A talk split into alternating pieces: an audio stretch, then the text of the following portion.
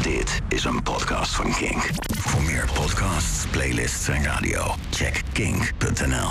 Hallo, mijn naam is Tim Op het Broek. En al sinds de vroege jaren 90 ben ik gefascineerd door de stem van Alfred Lagarde.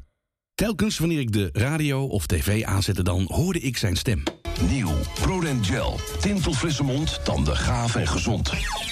De volumeknop kijkt je vragend aan. Zet hem knoeperhard. Een stem die voor opwinding zorgde. Een stem waardoor je vleugels kreeg. Energie. Het spookt door je hoofd. Waar zijn mijn favoriete discjockeys gebleven? Waar zijn die vrijgevochten jongens met hun ware passie voor goede muziek? Voor goede muziek. Nu, 25 jaar na zijn dood, stel ik de vraag: wie was Alfred Lagarde? En hoe is hij zo geworden zoals hij was? Want één ding is duidelijk: Alfred was more than a feeling. Dit is het verhaal van Big Bad L. Van het zendschip Noordzee Internationaal tot Kink. Een verhaal van de grootste rock'n'roll DJ van Nederland.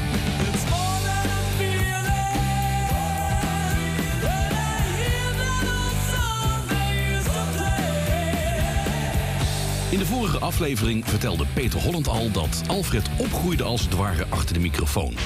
Van de ideale schoonzoon naar een wat ruwere en losgeslagen stijl. Maar dat had niet alleen te maken met opgroeien achter een microfoon. Je kunt ook opgroeien en gewoon de ideale schoonzoon blijven. Het was vooral de levensstijl van Alfred die ervoor zorgde dat hij ging klinken zoals we hem nu kennen. Het leven ten volle geleefd, met alle euforie, maar ook zeker met een hoop tegenslagen en verdriet. Langzaam maar zeker leer ik Alfred meer en meer kennen. Zeker wanneer ik Kim, zijn zoon, spreek. En uh, we hoorden een hoop gescheld en getier. En mijn moeder die kwam de, de trap op stampend. En die gooide een koffer vol met kleren. En die kreeg ze niet eens meer dicht. En die, uh, die, die Samsonite ging door mijn slaapkamerraam uh, in de voortuin. Straks meer van Kim. Jerry Wizard C., bassist van Modest Finest, vertelde in de vorige aflevering al dat de stijl van Lagarde erg doet denken aan mensen zoals Wolfman Jack. Hey, it's Wolfman Jack getting ready for another great weekend, a good time, oldies fun, baby. As a matter of fact, I'm here by the Wolf phone right now, ready to take your request or dedication. Call me right now and listen for the Wolfman Jack show right here on KSOS, the only station with Wolfman Jack,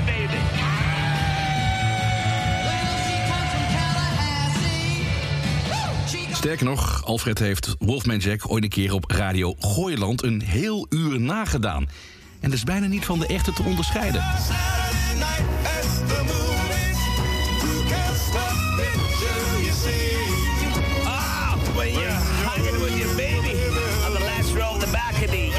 is way back when we got animals from lunatics from England, you know. they said, don't bring me down. See, and the girl bending between his knees and he said, well,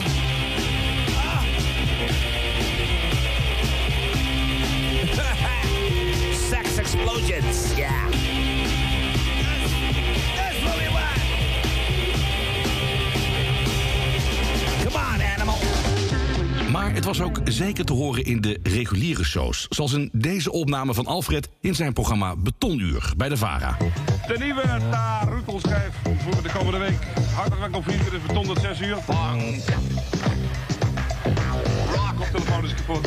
En ben je aansteken? Rock and roll. Aansteken. Kopje thee voor me.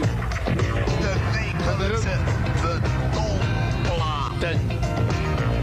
Hoort u bij Alfred Lagarde. Van 5 tot 6. Op de VARA. Ladies and gentlemen, you're with Big Al Lagarde on VARA Radio, where it's happening.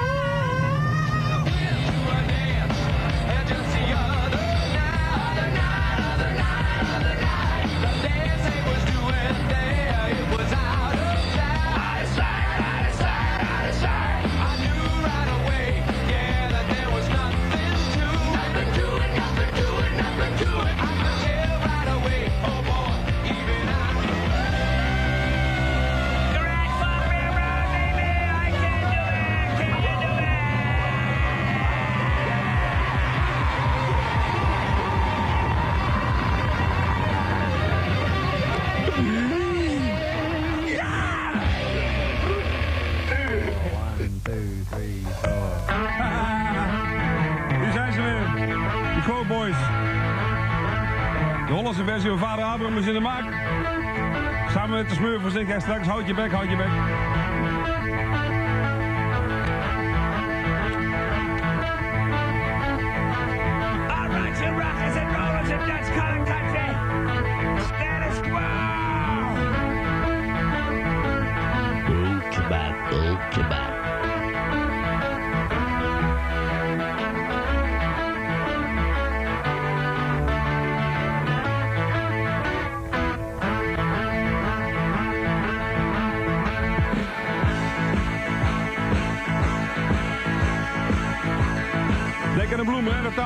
Niet meenemen. joh.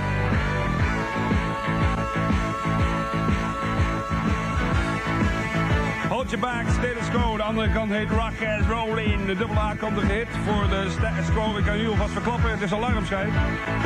En een goeie hoor. Beton zal zegenvieren, wat heet. Wat dacht je van deze?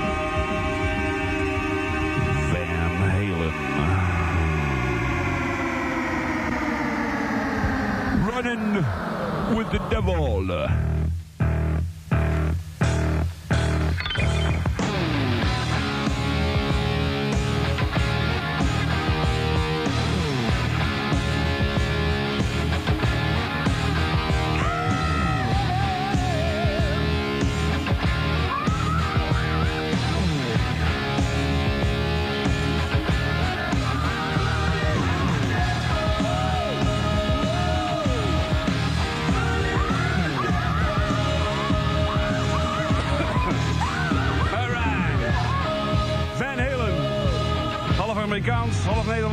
Running with the devil, hun nieuwe single.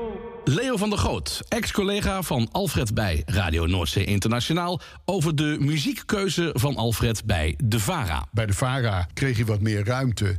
En op Hilversum 3 eh, begon hij met harde muziek te draaien. En, en eh, dat vonden mensen heel gek en raar, want het Hilversum 3 was natuurlijk een kutstation. En, eh, ehm, en daar heb ik ook nog van harte aan meegewerkt. Laat dat, eh, eh, eh, laat dat niet onvermeld zijn. Maar dus die. En ja, toen begon hij die hardere muziek te draaien. Maar pas op, in Countdown Café was het niet alleen maar hard rock. Dus we, we, we, tuurlijk staat er heel erg groot hard rock is Alfred. Maar Alfred is geen hard rock. Begrijp je wat ik bedoel? Het is, het is die, Alfred is muziek. En, en dat kon alles wat je je voorstelt. Ik ben van overtuigd dat als je eh, Bach met hem zou gaan luisteren... dat die ook eh, lyrisch zou kunnen worden.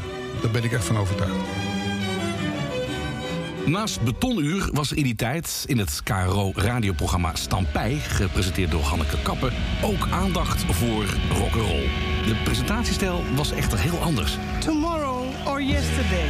En daarvoor hoorde je Mr. Rock'n'Roll van de nieuwe Samson. En die zanger heet Nicky Moore. Ik kwam er net niet eens aan toe, want hij zat al doorheen te kletsen.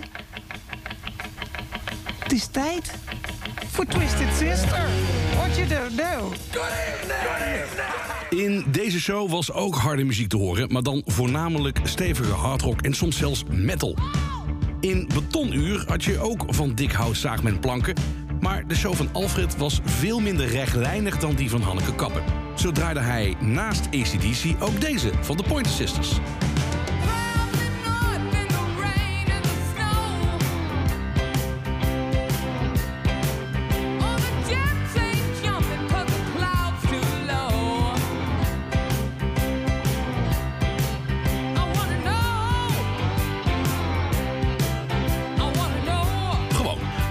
Een ontzettend goed nummer vond.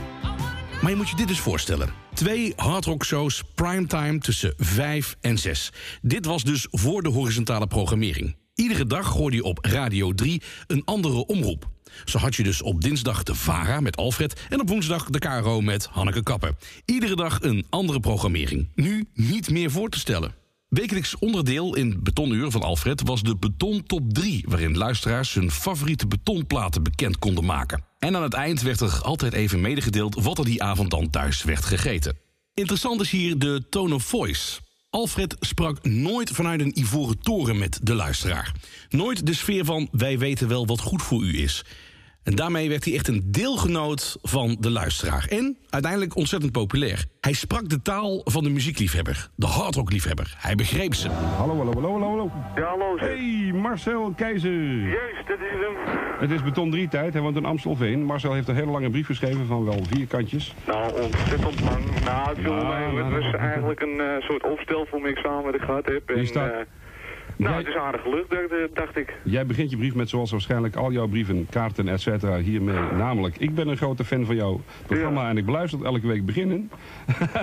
Wilde ik hier eh, toch niet zomaar een brief van maken. Nee. Ik heb, eh, het is met de laatste tijd namelijk opgevallen eh, op wat eh, manier jij jou de Beton 3 aankondigt. Dus, Ja, nee, dat... eh, Ja. Maar ik ben gewoon een betonfan. Je- en daar blijft het ook bij, hoor. Jij hebt jou zo je eigen idee over. Ja. Hey Marcel, wat doe je? Hoe oud ben je? Ik ben uh, nou nog geen 18, dat word ik 8 juli. Ja. En ik uh, heb de haven nou gedaan. Mhm. Nou, afwachten maar, hè. 26 juni. Ben je dan klaar? ik. Ben je klaar? Of moet je nog uh, slagen of zo? Nou, uh, ik mag nou wel een beetje vrij nemen. Het is het weer ook. En, Heb je het uh, examen al achter de rug? Ja, ik heb het achter de rug nou. En wat denk je? Nou, Slagen? toch wel goed hoor. Ja. Ja. Lijkt me ook wel, hè? Ja. hey Marcel, laten we geen tijd verknoeien. Begin met je nummer 3. Oké, nummer gaat ie. 3. Dat is dan David Bowie met Suffragette City.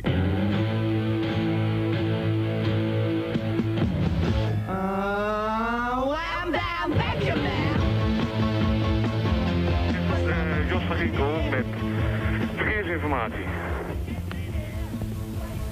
Op de volgende autosnelwegen staan files. Marcel, je bent weer in de lucht, joh. Oké zeg. Dat is nummer 3. En dan krijgen we nu nummer 2. Dat is de Beckman Turner Overdrive. Met Taking Care of Business.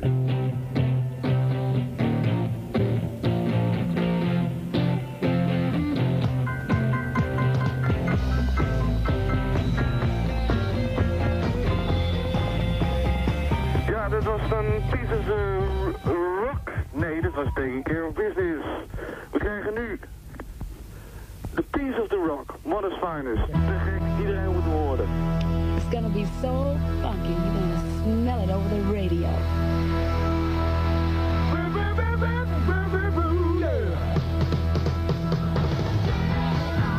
Hey Marcel. Marcel. Hallo, hallo Marcel. Ben je er nog? Marcel. Hallo. Oh, was je er al? Ja. Wat een bandje, helemaal de. Ja, dat is gek. Vind je het niet goed dan? Nou, de LP. Piece of the Rock nummer 1. Nummer 2, Taking Care of Business BTO. Nummer 3, Sovereign City, David Bowie. Hey, wat eet je zo? Ja, ik eet eh, mm, vanavond snijbonen. Met tartaar. Oh. En ijsje. Snijbonen met tartaar. Tartaar. Met ui. Met ui ook, ja. Met eh. Nou, ah. Dan weten we het in ieder geval. Zeg Marcel, moet je luisteren. We gaan dus eh, nu direct hierna overschakelen naar New York, naar de Atlantic Recording Studios. Al waar een live concert gaat plaatsvinden van ACDC van ongeveer 20 minuten. Vind je dat een goede band, ACDC? Nou, ik vind het dus wel, eh, ja, leuk. ACDC. Dat is ECDC, maar nu ACDC. ACDC. Gelijkstroom, wisselstroom, dat weet je toch? Je kent die plaat toch? Nou, nog een bekend. Toetelschrijf geweest, de hele week lang, joh. Ja. Zeg Marcel, eet smakelijk en blijf luisteren. Oké, tot Hoi, ziens, hè. dag. Heartbeat. En dat was nummer 1 in de beton 3 van Rosalie Doekers. En dat was Erie. Nummer 2 is uh, Stranglehold Ted Nugent. 3 Are You Weeping Gary Wright. Wat hoes je? Heb je kuchjes? Een beetje hees. Oh, hoe komt dat? Ja, van de zenuwen. hè? Was je nog in de kleedkamer even bij de jongens of zo, of niet? Nee, jammer genoeg niet. Oh, nou, dat lukt volgende keer wel. Hey, Rosalie. Ja. Wat eet je? Eh, spinazie en beefburgers en Ja. Hebben jullie McDonald's winkels of zo? Nee hoor. Nee? Nee. Maar maakt je moeder die zelf? Ja. Bij, bij beefburgers. Ja. Ja? Ja, heerlijk hoor. En een beetje smeltzuur eroverheen ook. Nee, jakkes. Welke producten kan ik nog meer opnoemen? Eh kijk, McDonald's heb ik gehad, smeltzuur. nee, ik heb het niet gezegd hoor. Sensuur. Rosalie, Ja. eet ze? Mag ik nog de groeten doen? Ja. Ja. Nou, meestal mag dat niet, maar Nou wel. omdat jij eh, eh, dat zo lief vraagt, mag dat nu heel snel. De groeten aan mijn vader, mijn moeder, Jacqueline, Esther, Barbara, Walter en de Golden Earring Fanclub. Goed zo. En de rest ook nog natuurlijk. Eet ze, doekers. Oké. Dag. De populariteit van Alfred steeg. In 1978 komt er zelfs een album uit met de titel 18 Harden van Lagarde. Met nummers als Free Ride van de Edgar Winter Group.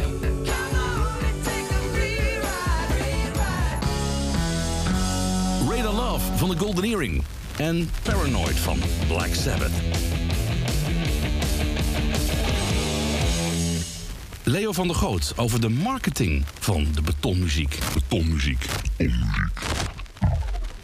Hij had natuurlijk best wel een eh, heel sterk marketinggevoel. Dus dit bleek een niche te zijn waarin hij lekker op waarin hij eh, los kon. Waarin mensen heeft van, hé hey, ja, leuk. eh, ik ben ervan overtuigd dat hij die niche gevonden heeft. En hij voelde zich er ook heel erg... Maar pas op, zijn favoriete band was geen hardrockband. Hè? Toto is eerder yardrock dan hardrock. Ja? Maar Steve Lukather, als je tegen Steve Lukather Alfred Lagarde zegt... dan valt hij op zijn knieën ja? en, en zegt hij, dat was de man. Als Anouk is geen hardrock. Eh het is wel Alfred die dat eh, aanhalingstekens veroorzaakt heeft. Het is helemaal niet hardrock. De naam Steve Lukather is gevallen.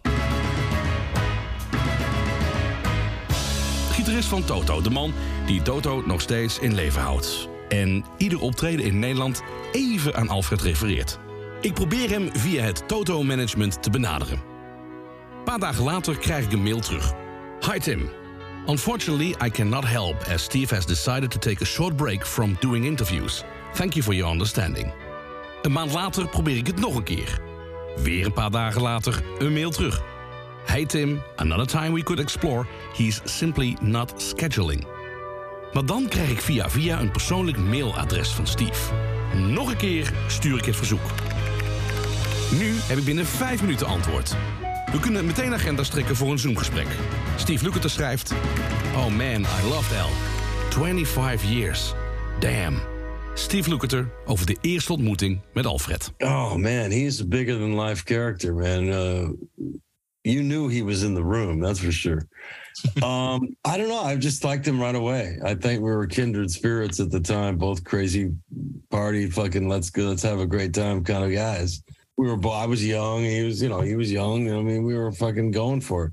I mean, we owe Alfred an awful lot. I mean, Alfred broke our band in, in Holland. I mean, he, uh, the rumor has it that he locked he locked uh, the people out of the control room and he just kept playing hold the line over and over and again until it was our first number one in the world and we owe that to um, Alfred Lagarde and that's why we've always had such an affinity and love for the Dutch people you know it, we just connected there you know what I mean and we always have and uh, and it's a special place for me and I can't go there without thinking about Alfred you know and all the insane stuff that I forgot about. People come up to you, remember the time? I'm like, no, I don't remember. uh, those were crazy times. I'm not gonna lie. It was we were fucking out of our mind. But you know, at the same time, that was the that was the era. That was what was going on. You know, I mean, you know, it didn't get weird and dark until much later. But early on, it seemed a great idea. We're all in our 20s, going, ooh, you know.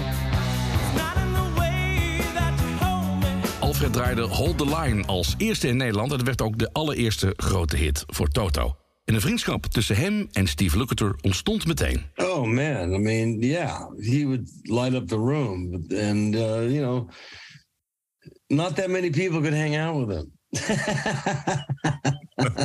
That's all I can tell. All right, all you, right. had to, you, had to be, you had to be a tough guy to hang out with Alfred, man. It was like hanging out with Keith Richards. know?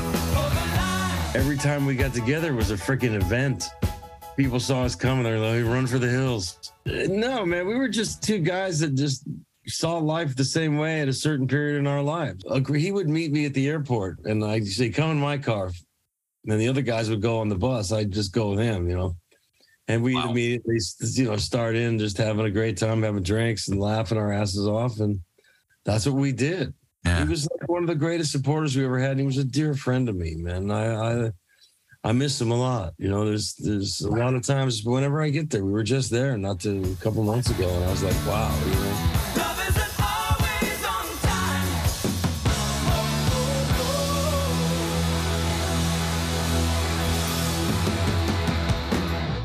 Bands wisten Alfred wel vaker te vinden. Het was inderdaad zo dat eh, ja, de mensen die kwamen naar mij ook om raad en zo. Hè. Andere Ja. hardrockbandjes die stuurden dan bandjes op en die vroegen van vertel eens wat er niet goed is en zo. En eh, ik heb heel wat eh, groepjes toen, nou ja, min of meer een schop onder hun kont gegeven. Door te zeggen van nou, dat is niet goed, dat is niet goed, dat is niet goed. Eh, louter en alleen omdat ik altijd maar die hardrockplaten draaide. En ze van A tot Z kende en zo. En da- daardoor ben je niet meteen een echte goede producer, daar niet van. Maar je, je steekt er toch wat van op. En je weet toch wat van de dingen die je gehoord hebt over te brengen. Bij die bandjes die je, die je dan, dan produceert. Ja. Zoals ook Artje van den Berg. Hij richtte eind jaren 70 in Arnhem de band Teaser op. Ik had een, eh, een zanger en een bassist eh, gezien in een, in een ba- een bandje wat ik wat regelmatig aan Enschede speelde, waar ik toen woonde. En die zanger met name was ik erg van onder de indruk. Ehm, en ehm, uiteindelijk had ik dus een goede, band bij elkaar gezet en daar had ik wel vertrouwen in. En toen eh, kwam mij te oren dat Alfred in Arnhem woonde. En daar woonde ik dus ook, want ik studeerde op dat moment aan de kunstacademie in Arnhem. En eh, ik had uitgevogeld waar hij woonde. En toen ben ik gewoon met een demo eh, ben ik aanwezen wezen bellen bij hem. en dat was super sympathiek. En dan, eh, hij zei, nou, ik bel je daarover terug. Nou, dat had hij dus meteen gedaan. Hij was hartstikke enthousiast. En eh, ik was ook al met die demo bezig leuren bij al- eh, diverse platenmaatschappijen. En die durfden het geen van al aan. Maar die zei, hardrock heeft geen toekomst. Nou, hier zit ik. Een paar miljoen platen verder. maar, eh, eh, ja, hard rock had geen toekomst. En eh, uiteindelijk heeft Alfred ehm, een, een, eh een platendeal geregeld bij notabene Peter Koelewijn. Dat was, de, dat was de enige die het aandurfde. En eh het is op zichzelf natuurlijk niet zo verwonderlijk, aangezien Peter natuurlijk aan de, aan, aan de basis van de Nederlandse rock and roll ligt. En eh, die, nou, die zag er wel wat in. En ehm, uiteindelijk had Alfred zich opgeworpen geworpen als ehm eh, tussen haakjes producer. Uh, maar het was eigenlijk meer voor de gezelligheid in de studio. Want uh, verder zat hij gewoon lekker te zuipen op de, op de bank achter de, uh, achter de engineer die aan de controletafel zat. Nou, het enthousiasme dat, dat ging dus door. Eigenlijk heeft, uh, zoals je zei, heeft veel gedraaid in het betonuur. En daar hebben we erg veel aan gehad. We hebben ook vaak uh, samen dingen gedaan. Als hij met zijn drive-in discotheek ergens uh, stond, dan was het vaak in combinatie met teaser. Want het waren natuurlijk altijd rock-evenementen.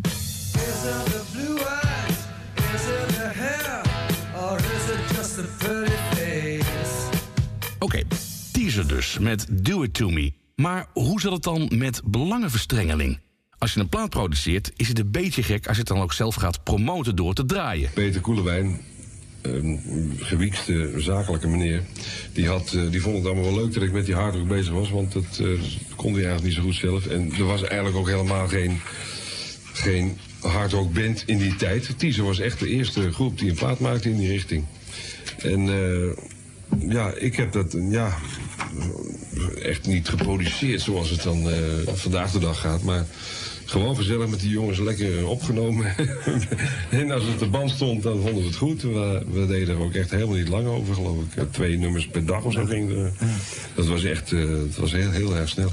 En uh, ja, die zei van nou, maar moet je horen, daar zetten we niet op dat jij het geproduceerd hebt. Dan kun je tenminste nog een paar keer draaien ook. Hè? Ja, maar zo ging dat ongeveer. Want ik had toen... De beide belangen konden wel eens in conflict komen. Hè? Eerst jockey ja. en producer. Hè? Ja, dat mocht dus niet. Hè? Want uh, ik zat bij de VARA, dat was dus uh, zeg maar een, uh, nog steeds een non-commerce, zeg maar ver van commercie gerichte omroep. Alhoewel ze eigenlijk er beter aan zouden doen het wel te doen, maar goed. Principieel even, dit even terzijde. En dat mocht dus niet. En ik ben daar dus echt uh, over de schreef gegaan door dus wel die platen te produceren en daar geld voor te krijgen. 1500 gulden kreeg ik ervoor, weet ik nog goed. Dus een schijntje als je uh, bij bedragen die nu worden betaald. En verder moest ik het maar bekijken. Uh, als het een hit was geworden, had ik nooit meer dan die 1500 ballen had gekregen. Maar goed, ik vond het lang mooi dat ik achter die knoppen kon zitten. Ja. Het was en, natuurlijk uh, ook iets nieuws, hè? want in wezen bestond er eigenlijk geen heavy of hard rock nee, producer in het land. Nee. Kennis was er niet eens. Nee, dat, Hoe het moest. dat bestond niet. Ik wist dat ook niet. Maar ik had wel uh, erg veel hardrockplaten en zo thuis toen al. En ik vond het wel te gekke muziek. Had je ook. Heb, bij hem op de kamer hebben we allerlei studies zitten maken van hoe we nou dat zo solo zouden doen en dat soort dingen, weet je wel. Ja. Dat was echt nog in, zeg maar, in een puberaal stadium van, uh, van productie. En ja, toen hadden we afgesproken dat ik had er niet geproduceerd. Dus ik draaide hem ook vol op die plaat. Maar later met allerlei andere bandjes, eh, liep het een beetje in de gaten. Dus zag men mij in de studio zitten en zo. En toen zei ze, oh, Lagarde, die zit in uh, en die zit aan de knoppen en zo. Toen ging als lopend vuurtje door Hilversum, dus toen moest het wel een beetje bekend worden. Eh, maar het leuke was van de Varen, dat ik daar gewoon... ja, toen, ik had toen een populair programma. Ik was voor het tweede of, derde jaar achterin volgende nummer 1 discjockey. Ik geloofde zelf helemaal niet met die rare, rare Ja. muziek. En, en eh, ik had dus gewoon, was brutaal. En ik kwam met een contract. Ik zeg tegen, tegen eh die man ook alweer? Ad- Adams was toen geloof ik onze chef. Ik zeg, ik heb hier een contract eh, voor Turbo. voor een LP-productie. Mag ik dat produceren? Dan zal ik het niet draaien.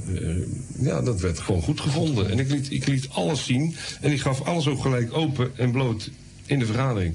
En eh, tot mijn grote verbazing, en eigenlijk ook wel, vond ik eigenlijk wel sympathiek van de varen, dat ze me dat lieten doen. Ik kon die platen gewoon draaien en af en toe draaide een collega, Meurders of, of wie dan niet, draaide er af en toe wel eens een stukje van uit solidariteit. Maar ik draaide het zelf niet. Hoogstens één keer als het uitkwam, om de mensen ermee in kennis te laten eh, komen. Maar verder draaide, ik- bleef ik daar dus van af. Dat was de afspraak. Alfred regelde ook dat beginnende hardrockbands bij hem in de radiostudio terecht konden. Zoals Picture. Als Alfred er iets in hoorde, waren ze meer dan welkom. En dat was heel belangrijk voor die bands, want voor hardrock was weinig plek in Nederland. Dit zijn eh, vier harde rakkers uit eh, het Rotterdamse, maar ze willen geen van Nee, nee, Rozenburg. Ja, nou, er is toch Rotterdam? Maar ja, het is iets verder. Ja. Het ligt onder de rook. het is een klein dorp, maar eh, keihard, hè? Onder de rook van Rotterdam, hè? Ja, nou. Rozenburg, ja. Waarom komt er iemand van de band aan het woord en hun manager, hoe heet je ook alweer? Nou, ik ben Ronald. Ronald. Ik ben de zanger van de band. Oh, je bent de zanger? Ik dacht dat je manager was. Je hebt echt zo'n managershoofd met een snorretje. Moet je me gauw afscheren. hey, Picture is een hardrockband uit Rozenburg. Ehm, eh, wat voor soort eh, hardrockmuziek eh, maken jullie? En, Nou, we proberen zoveel mogelijk de Amerikaanse hardrock een beetje te evenaren. Ja. En nou, we hebben er hard aan gewerkt. En ik geloof dat we wel een leuk resultaat bereikt hebben. En wie schrijft de composities allemaal jullie zelf? Ja, zo'n beetje. Met z'n allen? Ja, Jan, dat is dus een solo-gitarist. Of Rinus, dat is de basgitarist. Ja. En nou ja, Laurens die houdt zich voornamelijk grotendeels bezig met de drums. En eh, valt er nog een beetje eh, wat te verdienen voor een eh, beginnende band die muziek speelt waar de zaaleigenaren nog niet zo van houden? Nou, ja. Nou, we proberen namelijk wel zalen op te zoeken die dus wel degelijk van goede keiharde hardrock houden. Ja. En echt een beetje het Amerikaanse genre echt wel appreciëren. Ja. Maar het is dus zo dat, nou ja, we zijn gewoon keihard. We hebben er hard naar gewerkt en we hebben weinig optredens gehad. Ik kan wel zeggen geen één met deze groep. Ja. We proberen dus eh, via jou eigenlijk ook een beetje eh, lekker van, eh, van Nou start te komen. Het is, eh, nou, laat- laten we zeggen, omwille van de beton dan. Ja, ja, uiteraard. Dan komt het moment dat ik Alfred nog beter leer kennen. En dat komt door een gesprek met zijn zoon, Kim. Kim heeft dezelfde uiterlijke kenmerken van Alfred. De kleine pretoogjes die ik vaak op de foto's zie van Alfred, heeft hij ook. En ook hij is gewapend met een mooie, lage stem. Wanneer ik hem ontvang in de ruimte waar Alfred de laatste jaren van zijn leven veel is geweest, namelijk Labersveld 75, dan merk ik dat hij wat onwennig is. Zenuwachtig zelfs. Straks wordt me meer duidelijk waarom.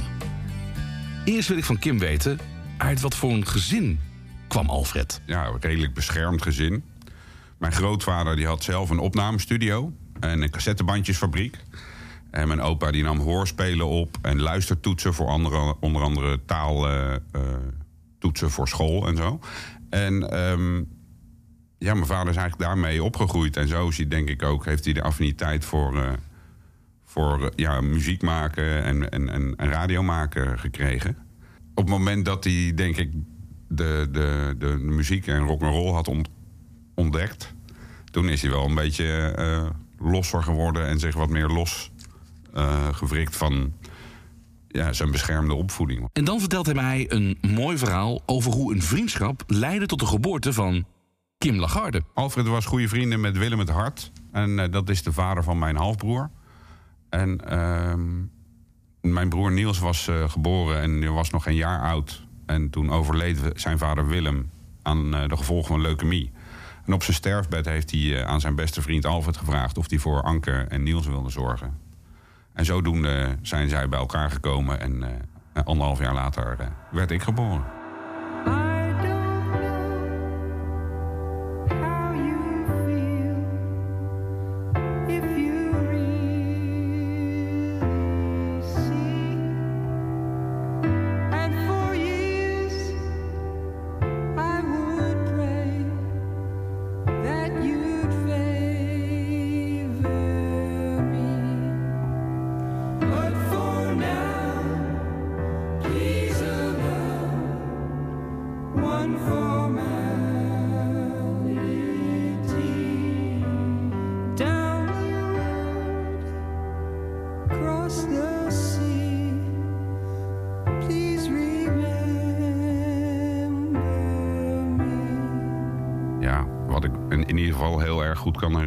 Hij heel veel weg was. En de momenten dat hij er wel was, dat was altijd bijzonder. Want dan kregen we ook wel aandacht en eh, dan gingen we leuke dingen doen. En eh, juist omdat hij zo vaak weg was... eh, ben ik heel erg eh, opgegroeid met zijn stem horen op de radio. En ja, hoe populairder die werd, des te meer sprak hij in. En ja, ik kon hem, op een gegeven moment kon ik hem nog geen tien minuten de radio aan hebben. En dan was er wel een reclameblok iets tussendoor met eh, chocomel. Iedereen is er wild van. Of, of meer van die dingen. En eh, ja, dat was voor mij heel bijzonder. Want daardoor heb ik in, in mijn jeugd gewoon... daar heb ik heel veel aan gehad. Als ik zijn stem hoorde, dan was hij bij mij gewoon. Toen ik negen was, in 79 gingen mijn ouders uit elkaar. En in 80 zijn ze geloof ik officieel gescheiden. Alfred is toen naar het Gooi verhuisd, omdat zijn werk daar was ook. En eh, ja, ik ben een beetje gaan pingpongen tussen pa en ma. Om, ja, om, ja, ik kon het niet goed eh, eh, verwerken dat ze uit elkaar waren. En ik de- deed daarmee een soort poging om ze weer bij elkaar te brengen. Of in ieder geval in contact te, te houden. En eh, ja, zodoende heb ik een beetje eh, ge- heen en weer gepingpongd tussen het Gooien en Arnhem. We woonden in Arnhem op de Hoogkamp.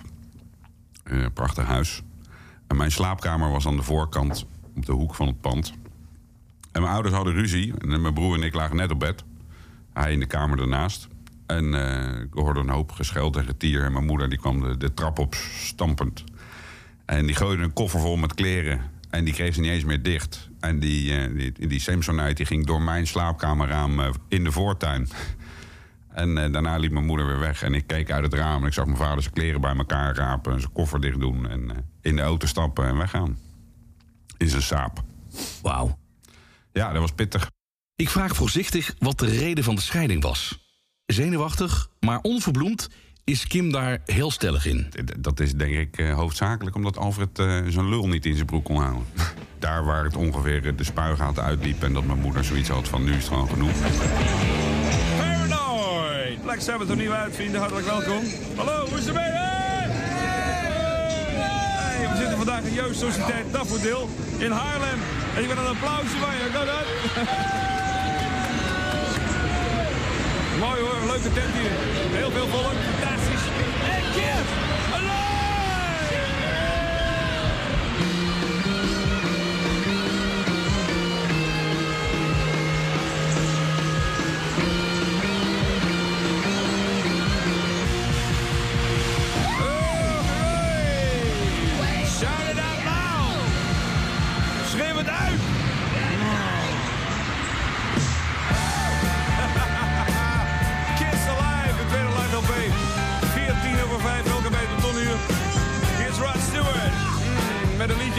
Believe me, bitch?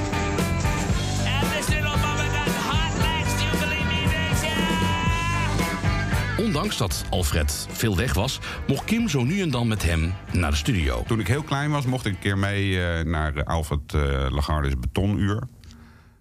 Eh, mij was altijd geleerd dat als ik in de studio rondliep als klein mannetje... en die rode lamp ging aan, dan moest ik mijn kop houden. En Alfred die had een plaat opgezet, die was bijna afgelopen... en hij riep mij naar zich toe. En hij pakt me beet en dan zet ze mij voor zich op zijn schoot... en hij gooit die schuiven open. En hij zegt, ja, zeg dan wat.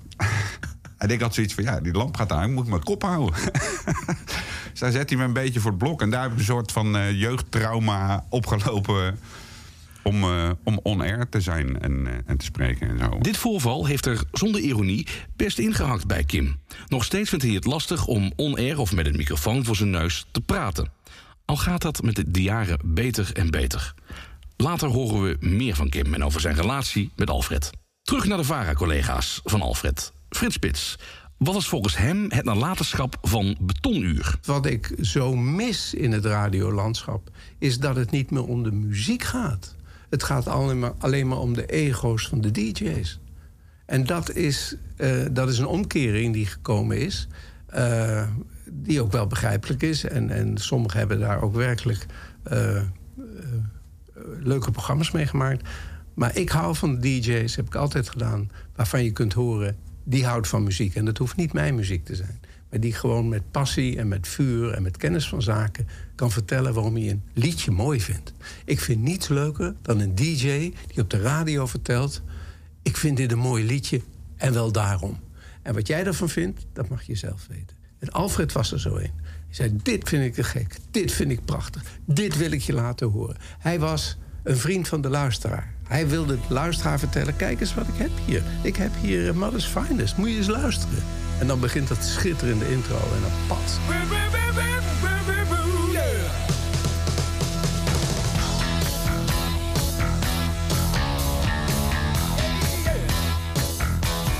Een andere collega waar Alfred mee heeft gewerkt bij de VARA is Leonie Jansen. Zij deed ook mee aan programma's zoals Lijn 3. Hoe ervoeren zij de sfeer bij de VARA? De sfeer was, was, ja, was heel jongensachtig. Ik, ik was natuurlijk de enige meisje. Dus te midden van Felix Murders, Willem van Beuzenkom, Alfred Legarde, Peter en Peter Frits. Holland en Frits Spits natuurlijk.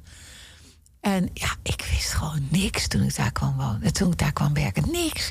Kijk, die jongens die hadden zich al jarenlang bezig gehouden. Ook met 27 MC-bakjes. Ik weet niet, mijn broer deed dat ook. En met plaatjes uitzoeken en van alles en nog wat. En ik kwam daar gewoon blind in.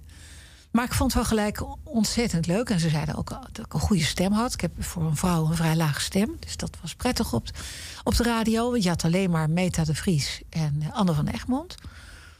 En eh, ja, ik heb heel veel moeten leren. En die jongens waren keihard voor me. Keihard. ja? daar was ik in bijvoorbeeld in lijn 3. En dan deed eh, Ferry de Groot deed, deed de regie. En soms samen met Felix. En dan stond ik dus iemand te interviewen. En dan kreeg ik dus op mijn oortjes te horen... Jans, je staat, je, je staat uit je nek te kletsen. Wil je dit even afronden? Dit kan niet. Dit moet sneller. Eh, dus eh, ik heb een ongelooflijke goede leerschool gehad bij hun. Wat weet je nog over de eerste ontmoeting met Alfred? Hij was groot.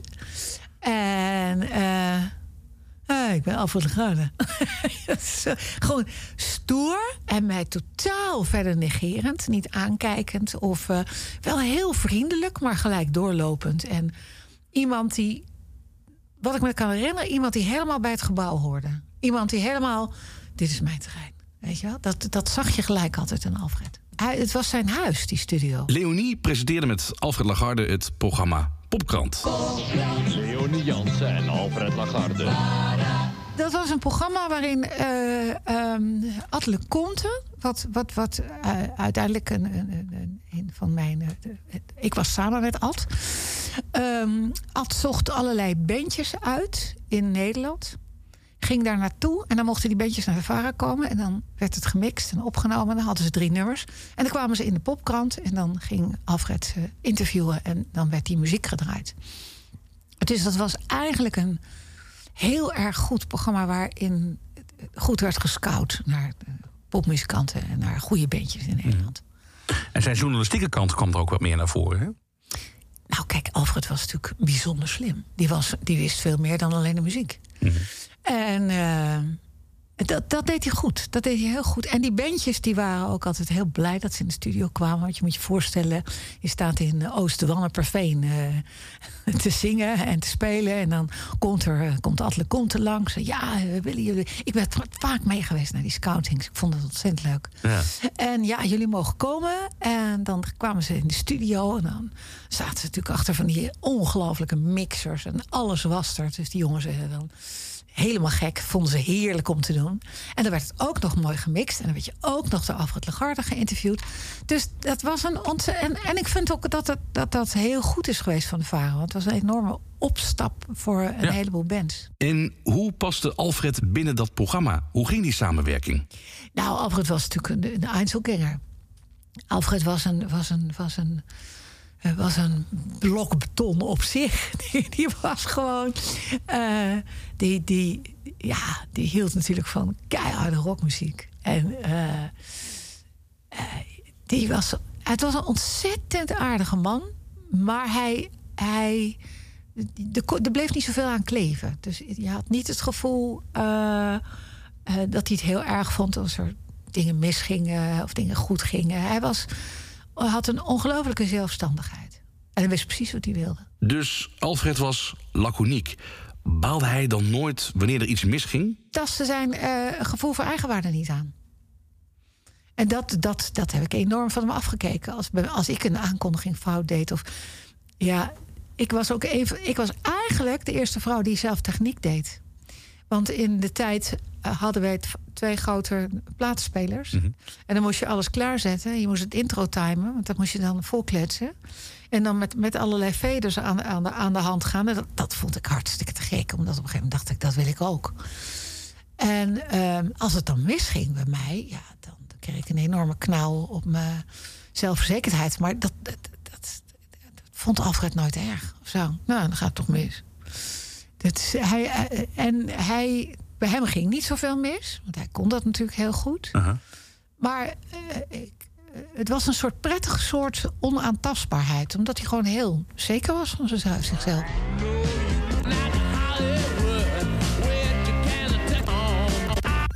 Godverdomme! Nou! Jezus Christus! Now, ow. No reason to get excited. Put your pants back on. Shit happens. Shit happens. Don't worry about it. In de volgende aflevering van More Than a Feeling... het einde van Betonuur. Kom maar mee, door de deur. Ja, jij ziet natuurlijk niks. Oh, god. wordt wel een beetje leden Sorry, sorry. Praat ik met Isvan Leel Ussi, de producer van Betonuur. En dan om de 20 minuten of whatever, dan... eh, kijk voor je, kijk voor je, zei hij. Nou, en dan kwam dat flesje zo onder mijn neus en dan... en dan boem. Francis Dix. Ik ben ook wel eens bang geweest. Echt bang. En Kees Baaks. Ja, en toen ben ik op de afloop naar hem toe gegaan. Toen zei ik van, godverdomme Alfred, jij bent even populair. En toen keek hij me zo aan, zo van, "Oeh, hoezo, hoezo? Verder komen nog aan bod in deze serie onder andere Lex Harding, Jeroen van Inkel en Adam Curry.